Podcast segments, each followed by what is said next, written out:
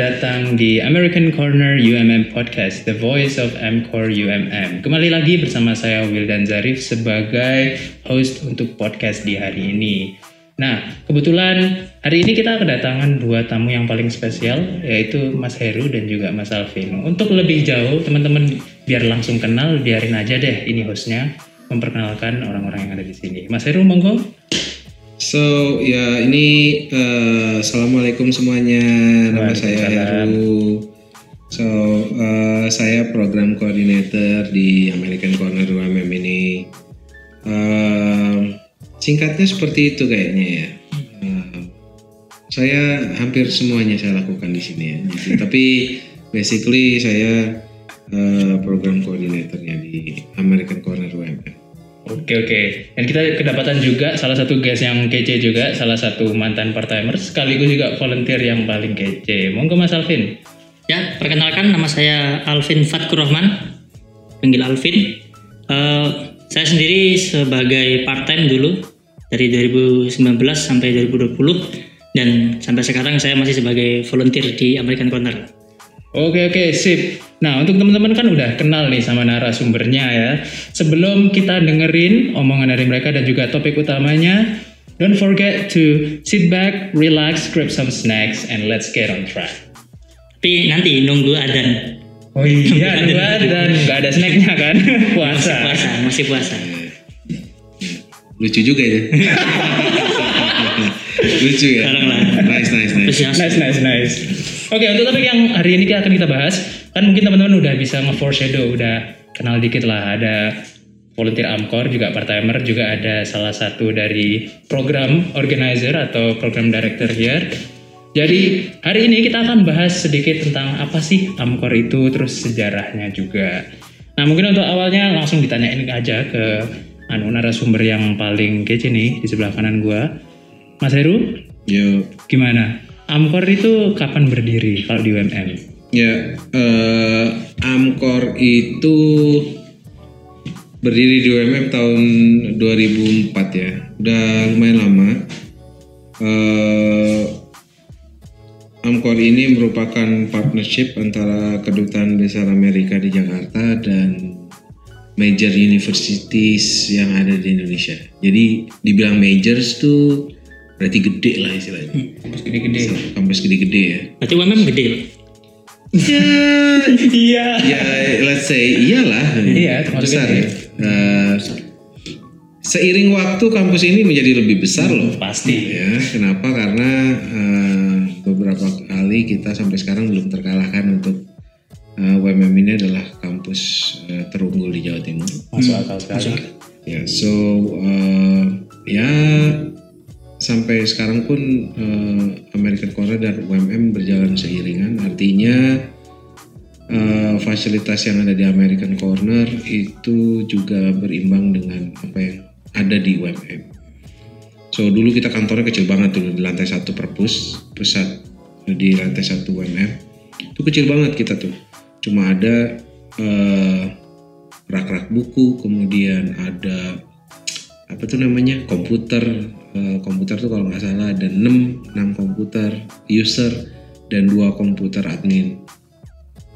Itu kalau dibilang dilihat kapasitas dulu itu masih ya let's say 20-an lah ya. 20-an tuh udah padat banget ya. Sama satu meja bundar kecil gitu nggak nggak kecil sih gede. Cuma meja isinya 12 orang buat buat baca gitu. Dan itu eh, itu kayak kalau udah rame banget ya udah nggak asik lagi gitu udah nggak nyaman lagi. Nyamannya memang ya let's say 12-15 orang lah di sana. So, pokoknya ada kursi tersedia dan itu didudukin itu udah nyaman banget gitu. Tapi waktu itu udah ada pendingin ruangan juga. Oh, AC. udah, oh, udah ada AC, AC udah ada, AC itu wajib hukumnya. Iya. Ya bisa dibayangkan sih dengan ukuran ruangan yang kecil dan kapasitas terbatas ditambah tidak ada pendingin ruangan. Ya, Gitu. kayaknya mula gitu. Bahasa Jawa itu mula, jadi nggak enak udaranya. Ya ada, ada, ada. Waktu itu udah ada ya. Waktu itu udah ada. dan American Corner UMM ini kan bukan tanpa persaingan artinya di Malang sendiri kan ada beberapa kampus di Malang Hmm. dan kampus itu juga kampus besar-besar ya Gede. kita ngomongin tahun 2004 lah ya Dua- 2004 ini ada Malang ini luar biasa besarnya kampus karena banyak kampus ya Hmm. jadi berapa ratus meter satu kilometer se- setelah UMM anda udah ketemu kampus lagi Iya. kemudian sama di kota juga sama dan bukan kampus tuh bersebelahan dan apa namanya negeri swasta se- semuanya tuh tumbuh dan berkembang gitu loh Kadang kita kesasar aja ketemunya kampus gitu kan. betul Masuknya juga ke area kampus ya kan. Gedenya itu iya iya iya iya iya iya. Saking banyaknya kampus-kampus nyempil-nyempil gitu. Betul. Yang saya kira pos ronda ternyata kampus. Malang Iya, itu iya. kampus memang. so ya itu eh, buk- apa namanya eh, pada akhirnya eh, US Embassy memilih eh, UMM untuk menjadi host American Con ada yang waktu itu kalau nggak salah ka- kami ini bukan yang pertama ya di Indonesia Eh, kami mungkin yang keempat kalau nggak salah di Indonesia I, I, I don't recall the history tapi kami bukan yang pertama Hmm. dan eh, apa namanya eh, American Corner ini awalnya memang agak eh, apa ya agak dapat sorotan orang ya ketika orang-orang pada waktu itu masih sangat eh, sorry quote on quote nggak tertarik sama Amerika karena sikapnya mereka Hmm. kenapa kok tiba-tiba ada Amerika di UMM gitu? Iya. yang notabene nih kampus eh, apa namanya? Ya rada Islam eh, keislaman gitu kan. Kenapa kok ada Amerika di sini? Hmm. jadi kan banyak pro dan kontra. Eh, apa ya? Eh, ada satu masa ketika kita masih lantai satu nih. Eh, dan kita lagi awal-awal kita punya Facebook kemudian kita per- perkenalkan introduce ourselves di sosial media tentang American Corner tuh. Banyak yang apa ya nggak nggak sedikit lah maksudnya nggak nggak banyak ya tapi nggak eh, nggak sedikit, sedikit juga. juga, gitu loh. Orang-orang yang nanyain gila nih apa nih ngapain sih ada Amgor di sini kenapa sih ada Amerika di sini ayo bakar bakar ayo dibakar Masa ekstrim itu? serius Serius. Masa di depan Amkor ada ormas-ormas juga? Enggak, enggak, enggak gitu juga. Maksudnya kan ini perang digital waktu Ah, itu iya, iya. mulai ya. Jadi kita tuh kayak zaman dulu itu kalau misalnya you cannot handle yourself, ketemu sama hal-hal yang eh, apa ya intrigue you untuk fight ya jadinya kita jadi insane gitu. Jadi nggak kita lose control apa yang kita bahas di sosmed itu. Jadi seakan you institusi yang dipegang sama seorang bukan eh, eh, bukan institusinya justru. Hmm. Eh, you nggak bisa mem- mem- membawa nama institusi ketika sedang emosi, sedang ini, sedang itu. Nggak bisa kayak Kayaknya gitu. Jadi akhirnya ya kita harus kontrol, kemudian persuasif gimana caranya mereka untuk eh, Bisa menerima lah. ya let's say ya bisa menerima kemudian bisa apa namanya ngerasain manfaat dari American Corner sendiri. Waktu itu saya bilang gini di eh, ayo bakar ayo bakar ayo bakar. Ayo bakar aja ya. Serius nih ya. Di, jadi so dia ngomong kayak gitu kemudian saya bilang dalam hati kesel. Iya. cuma kan nggak bisa kita mau kesel itu. Eh mau apa lu? Gitu kan nggak Jaim, mungkin ya. Jaim lah. Nah, jadi kita harus eh, baiklah. So kalau pernah tidak ke American Corner, saya bilang kalau belum pernah, ayo datang berkunjung. Saya jelaskan apa yang ada di sana. Karena basically kami tidak ada yang ada, tidak ada, tidak ada sangkut pautnya dengan apa yang ada di media sekarang. Iya. Jadi eh, kita kan pure murni untuk apa namanya pendidikan, untuk education, untuk informasi dan resources yang ibaratnya ke perpustakaan lah. hampir hampir netral dari apa pun gitu, dari politik dari segala macam itu hampir netral. Eh, hampir netral dalam artian karena kita juga punya program ya, Iya. program tuh yang yang membawa misi kedutaan. Tapi misi-misi itu pun tidak selalu eh, eh, tidak pernah yang kita mengarah ke politik praktis yang harus gimana gimana enggak enggak juga sih Jadi harusnya apa pun gejolak yang terjadi di sana dan di negara kita ya kita tetap nggak ada Sudah Udah ada, punya, ya. ada program sendirinya. kita nggak nggak kita nggak ada include sama itu sama sekali gitu Kadang-kadang dulu pernah ya masalah Israel Palestina awal-awal itu ya. Iya. Kita pernah ditanyain Irak apalagi perang Irak tuh kita ditanyain gimana sih kok bisa nyerang Irak gini-gini. nah sebenarnya begini, American Corner juga fungsinya kan sebagai information resource center, Iya, ya.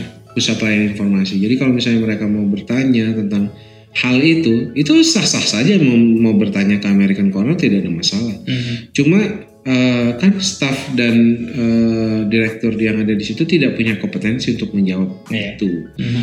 Nah, jadi semua pertanyaan yang masuk ke American Corner yang berbau tentang politis atau ini segala macam, itu kita bisa layangkan ke kedutaan. Jadi pertanyaan-pertanyaan itu kita layangkan ke kedutaan nih. Ada pengunjung yang bertanya seperti ini. Kira-kira eh, saya ajukan kemudian monggo kalau ada eh, siapa yang spesialis, siapa eh, ahli atau pakar dari kedutaan atau dari US yang bisa menjawab pertanyaan ini silahkan. Mhm. So kita nggak pernah menutup kemungkinan itu karena karena sebenarnya American Corner adalah eh, kalau dibilang corong-corong ya, jadi sumber informasi, eh, sumber eh, di mana pemerintah Amerika itu memberikan eh, apa namanya membagikan program-program yang mereka punya dan kita juga kan nggak nggak hanya di Jawa Timur ya kita ada di di Padang kita ada di Pontianak kita ada di Kalimantan Bandung. ada di Kalimantan, ada di Jawa Tengah, ada di Jogja. Jawa Timur, Iya. kemudian ada di Ambon, Mhm. ya eh, di Sumatera ada. Jadi hampir semua provinsi kecuali Aceh kita yang Mhm. nggak ada. Eh, Sulawesi belum ada juga Sulawesi. Sulawesi oh belum ada ya Sulawesi belum ada dulu ada karena di di Unhas, di Oh, Unhas. Ah, iya, iya. Makassar. Ya jadi ya gitu deh. Ya kalau misalnya eh, American Corner ini tidak terlalu mentereng dengan Amerikanya, Mhm. mungkin tidak akan se eh, ekstrim itu ya. Hmm. Tidak akan se ekstrim itu. Tapi eh, apa namanya walau bagaimanapun itu bagian dari pendewasaan kita eh, dan tujuan kenapa American Corner itu ada di semua universitas. Ada di universitas tidak di SMA, tidak di SMP. Karena eh, di universitas itu tempat di mana pembelajarnya itu mulai berpikir secara ra- rasional ya. Eh, Tinker-tinker lah, para pemikir lah. Jadi eh, sudah mulai dewasa cara berpikirnya. Nah, dengan harapan semua bisa memahami. Maksudnya kalaupun terbuka, terbuka pun bisa eh, luas dan enak. Gitu. Hmm. Nggak yang frontal ya. Yang memaksakan lah Betul. istilahnya. Iya. Ya kira-kira gitu. Mhm. nah itu pak saya sebenarnya penasaran ya Hmm. Eh, kan Amerika sudah punya embassy Hmm. masih lagi ditambah dengan konjen Hmm. apa perlunya menempatkan lagi corner-corner di universitas kalau mereka sudah punya lah banyak corong untuk mereka di Indonesia gitu. Eh, good question ya. Sebenarnya basic adanya American Corner itu eh, berlebihnya resources yang ada di kedutaan dan konsulat. Hmm. Jadi ini memang awalnya American Corner itu perpustakaan. Jadi eh, begini ada saya saya saya lupa namanya, tapi beliau ini eh, adalah orang yang setidak-tidaknya punya ide bagus mendirikan American Corner sebagai salah satu sarana mem, apa ya mem- membuka akses eh, resources ke halayak ramai. Jadi Am- kedutaan Amerika itu dulu punya perpustakaan. Perpustakaan ini untuk ini di- boleh diakses orang umum Hmm. oleh publik ya. Karena kesulitannya kita untuk akses itu karena prosedur dan lain-lain karena you have to make an appointment dan segala macam. Terus orang orang-orang tuh kayak malas banget sih gitu. Iya. Ah malas lah ke situ lah gitu Mhm. akhirnya seperti yang saya sebutkan tadi ada ada satu orang ini yang saya lupa jasanya luar biasa ini Eh, dia dia ber- membuat sebuah ide gimana caranya ya supaya buku-buku ini resource awalnya sih buku-buku aja ya Hmm. gimana sih resources yang ada ini kita keluarin Hmm. supaya orang aksesnya tuh enak gitu supaya orang-orang tuh nggak nggak kesulitan mau datang jadi jangan jangan sampai di sini cuma di rak doang nggak dibuka-buka gitu kan Iya. Itu nggak fungsi juga Mhm. kalau di kedutaan. Akhirnya oke dibuatlah American Corner itu. So American Corner itu eh, perpanjangan dari perpustakaan yang sebenarnya perpustakaan yang ada Iya. di embassy kedutaan. Apa yang ada di sana isinya Di sini juga dia sama di Angkor.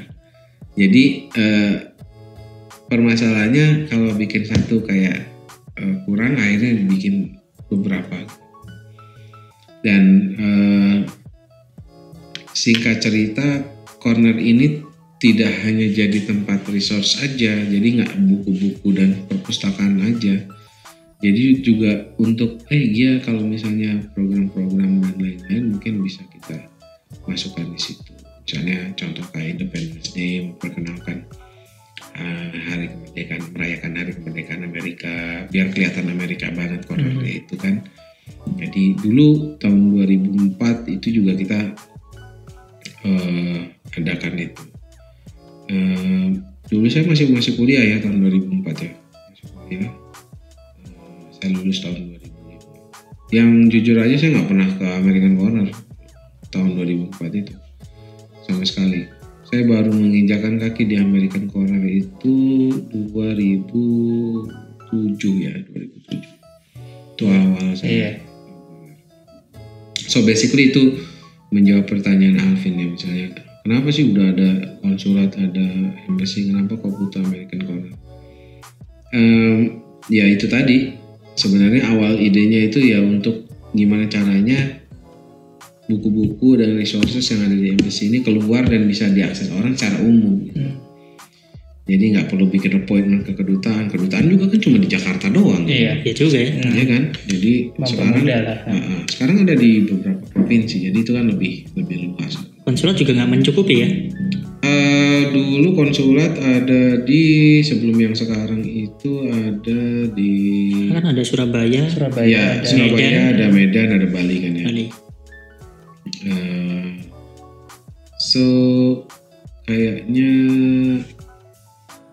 kalau di beberapa tempat itu untuk hanya sekedar akses resources saja ya itu males juga orang Prosesnya terlalu panjang. ya ya ya Lalu prosedural lah. iya Hmm. ya, ya kalau misalnya teman-teman yang di sini pendengar yang ini ya kalau misalnya anda mau bikin appointment datang ke ngurus visa atau apa segala macam itu memang kan eh, agak beribet ya sebenarnya Hmm. Eh, mesti janji ini harus bawa ini harus bawa ID harus bawa segala macam jadi ya kita nggak mau American Corner punya sedemikian ribetnya gitu loh akses untuk ke situ padahal saya cuma pengen baca buku doang gitu loh Hmm. ya itu awalnya sih Iya. Nah ini mas muncul pertanyaan. Kalau tadi kan udah dijelasin dari awal itu sebagai resource center, juga sekaligus library, terus juga tadi salah satu apa resource tunnel ya kan istilahnya tunnel untuk orang-orang terinformasi tentang Amerika. Sebenarnya sih mas, menurut mas sendiri, Amkor itu apa sih esensinya? Eh, Amkor ini lebih ke perpustakaan yang ada di Amerika sih sebenarnya. Hmm. So American Corner ini adalah bentuk perpustakaan yang ada di Amerika. Jadi apa yang ada di Amerika, perpustakaan Amerika sedang mengembangkan apa nih? Jadi kita mengadaptasi, diadaptasikan di Oh, replikanya gitu. iya di di di Indonesia. Jadi apa yang kayak misalnya board game kayak gitu ya, board game. Eh, beberapa tahun beberapa tahun lalu ini board game itu ada di board game itu dimasukkan di perpustakaan di Amerika. Tujuannya supaya mengundang eh, apa pembaca-pembaca usia dini datang ke Hmm. perpustakaan gitu. Eh, dan itu berhasil. Hmm. Ya, jadi ada ada Xbox, ada Ada, segala macam di perpustakaan. Itu kan keren banget. Eh ada Kinect Y juga ada. Nah, akhirnya minat untuk datang ke perpustakaan tidak tidak hanya untuk orang-orang berkacamata tebal ya. Jadi, Not for nerds only. Nah, iya. yang yang apa namanya anak-anak muda usia dini juga mereka mulai datang ke sana. Nah akhirnya diadaptasi juga tuh di American Corner American Corner di Indonesia. Ada Wii, Nintendo Wii lah. Itu free access semuanya. Hah? Free access. free access Enggak, enggak, enggak ngerental. yang Enggak lah. Dan nanti mereka datang barengan yang main satu yang lain lihat ngeliatin gitu. Ntar kan rental corner namanya. Bukan ya ide bagus sih Bisa, bagus bisa. sih. jadi kanal bisnis. pemasukan corner bagus itu cuma kalau dengan begitu ntar mainnya mereka ngawur rusak semua Iya, belum kalau mereka main Smackdown tuh ngerusak sumpah. Bener, Asli. Pokoknya udah main Tekken, Smackdown, Mortal Kombat, gitu-gitu udah rusak udah Hancur semua. itu udah.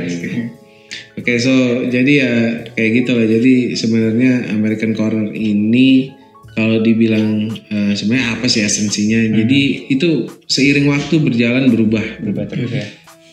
Ya karena kita juga tiap tiap tahun kita punya core program yang berbeda juga. Jadi oke core program kita ini entrepreneurship, kita ini kita fokusnya ke sini ke sini ke sini ke sini ke sini. Jadi fokus itu atau core itu ki- bukan kita yang nentuin tapi eh, kedutaan di Jakarta. Kan. Yang jujur aja ya kalau misalnya kita nah eh, core itu hanya eh, gambaran besar. tapi Landasan aja. ya, eh, tapi kita lebih bisa untuk Explore lebih. betul luas. explore lebih luas lagi dari core itu sebenarnya lebih ya free aja cuma jangan sampai lari dari koridor yang ada Kasih-kasih. Hmm. Nah ya, eh, konsep seperti ini pak, hmm. konsep eh, library gitu, perpanjangan library itu juga berlaku nggak sih di negara-negara? Apa cuma di Indonesia ada program-program seperti ini, ada corner-corner seperti ini? nah di gini jadi eh, di Indonesia ini ada 9 ya 9 10 ya 10 corner. Eh, kemudian di dunia itu ada sekitar 500 sekian apa 600 sekian ya eh, American Center. American Center ya sebutnya, Center bukan namanya. Oke. corner. American Space. Nah, semua itu kalau digabungkan kita tuh terkoneksi dalam jaringan yang namanya American Spaces. Ya. Eh, American Spaces Indonesia, American Spaces India, American Spaces mana gitu kan.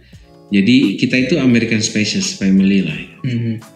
keluarga besarnya jumlahnya sekitar 500 sekian atau 600 sekian saya lupa. Eh, dan apa namanya di tempat lain eh, ada yang satu negara dua, ada yang dan tidak di kampus. Ya, jadi eh, yang kayaknya yang di kampus hanya di di Indonesia, aja yang di- diletakkan di kampus sebagai host.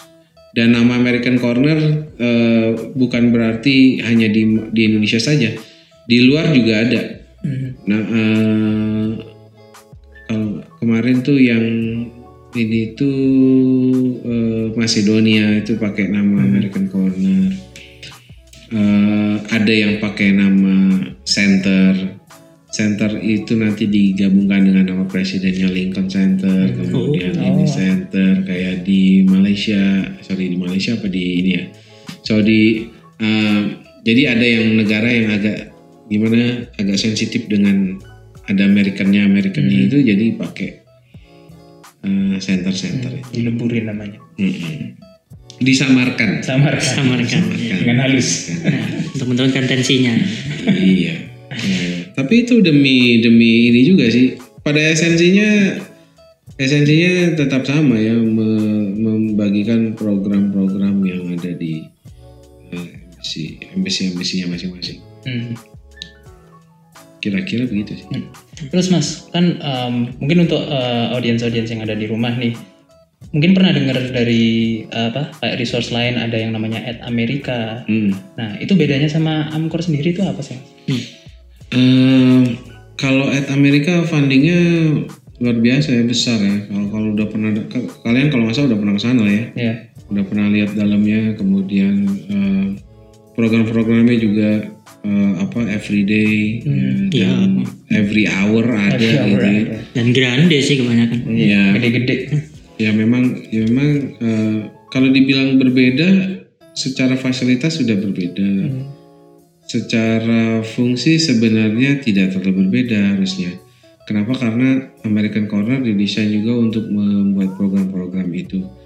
Eh, dan eh, tapi kan permasalahannya eh, mereka punya staff yang yang yang punya yang ada di eh, setiap bidangnya masing-masing. Jadi eh, ada ada IT-nya mereka professionally, ada IT kemudian eh, mereka punya PR, mereka punya segala macam. Jadi so itu lebih ke lebih ke company lah ya kalau menurut saya. Lebih lebih termanage lah. Amcor in steroids. Nah, iya, iya, iya.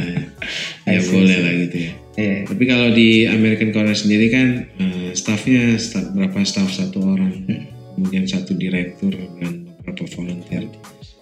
Jadi apa namanya eh, dan kita kan juga terbatas ya dengan fasilitas yang kita punya. Di sana eh, punya space yang bagus, yang mumpuni untuk ini dan itu dan tempatnya juga di mall asik gitu ya. Walaupun mahal banget itu mall. Dan apa ya, eh, kalau dibilang berbeda, secara fungsi seharusnya sama. Hmm. Secara spiritnya fungsi sama lah ya sebenarnya. Spiritnya sama ya. American Space. Eh, American Spaces juga.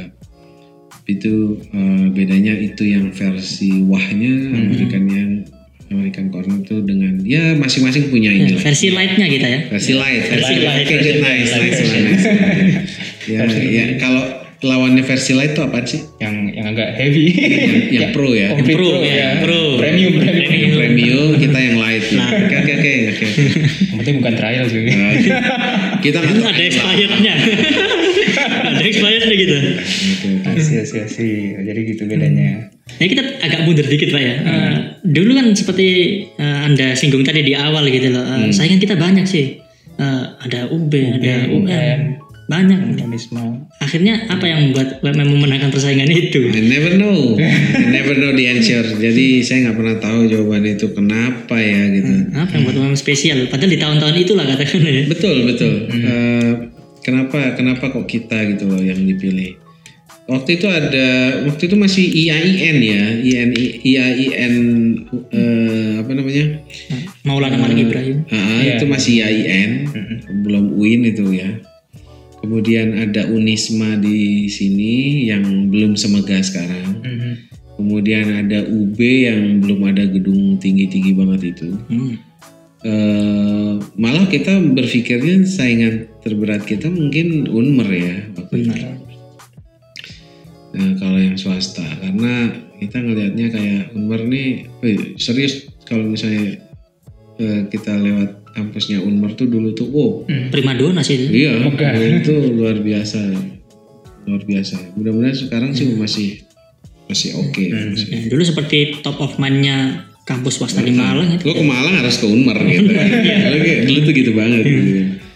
Ya saya nggak nggak nggak tahu juga jawabannya apa untuk itu. Tapi eh, yang jelas eh, para sesepuh internasionalnya WMM dulu eh, berhasil meyakinkan embassy bahwasanya kita siap.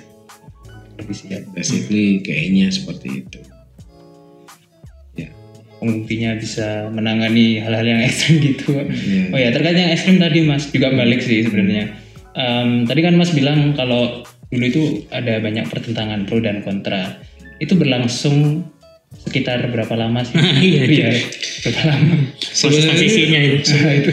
Oh, pro dan kontra itu awal berdiri, kemudian peresmian itu, kemudian eh, selama berjalan, selama berjalan ini ketika ada konflik di luaran sana tentang Amerika masuk ke media, kemudian mereka menyangkut pautkannya dengan American Corner, yaitu saat atau momen yang terbaik untuk mereka melampiaskan gitu loh sebenarnya.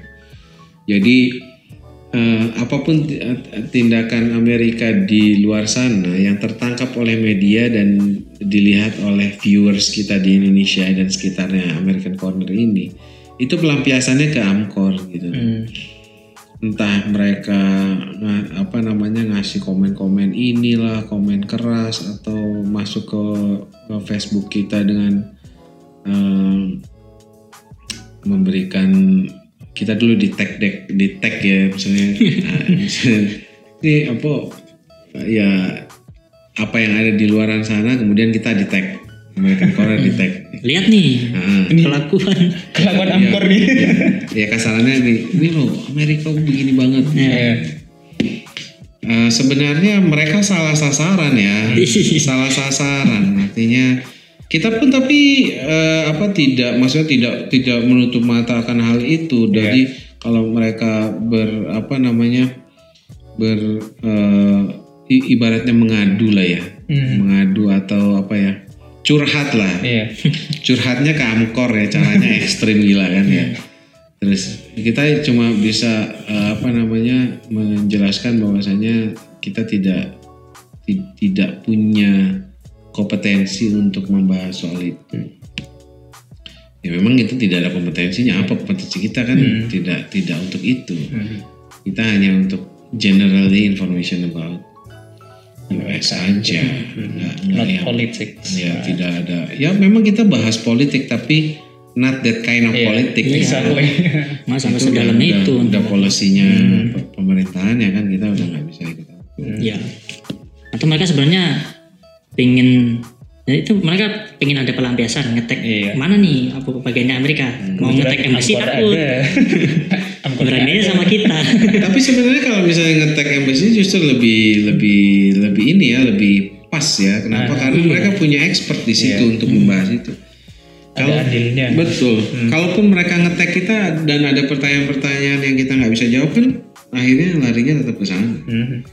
Tetap kita eh, teruskan ke embassy gitu loh. Iya.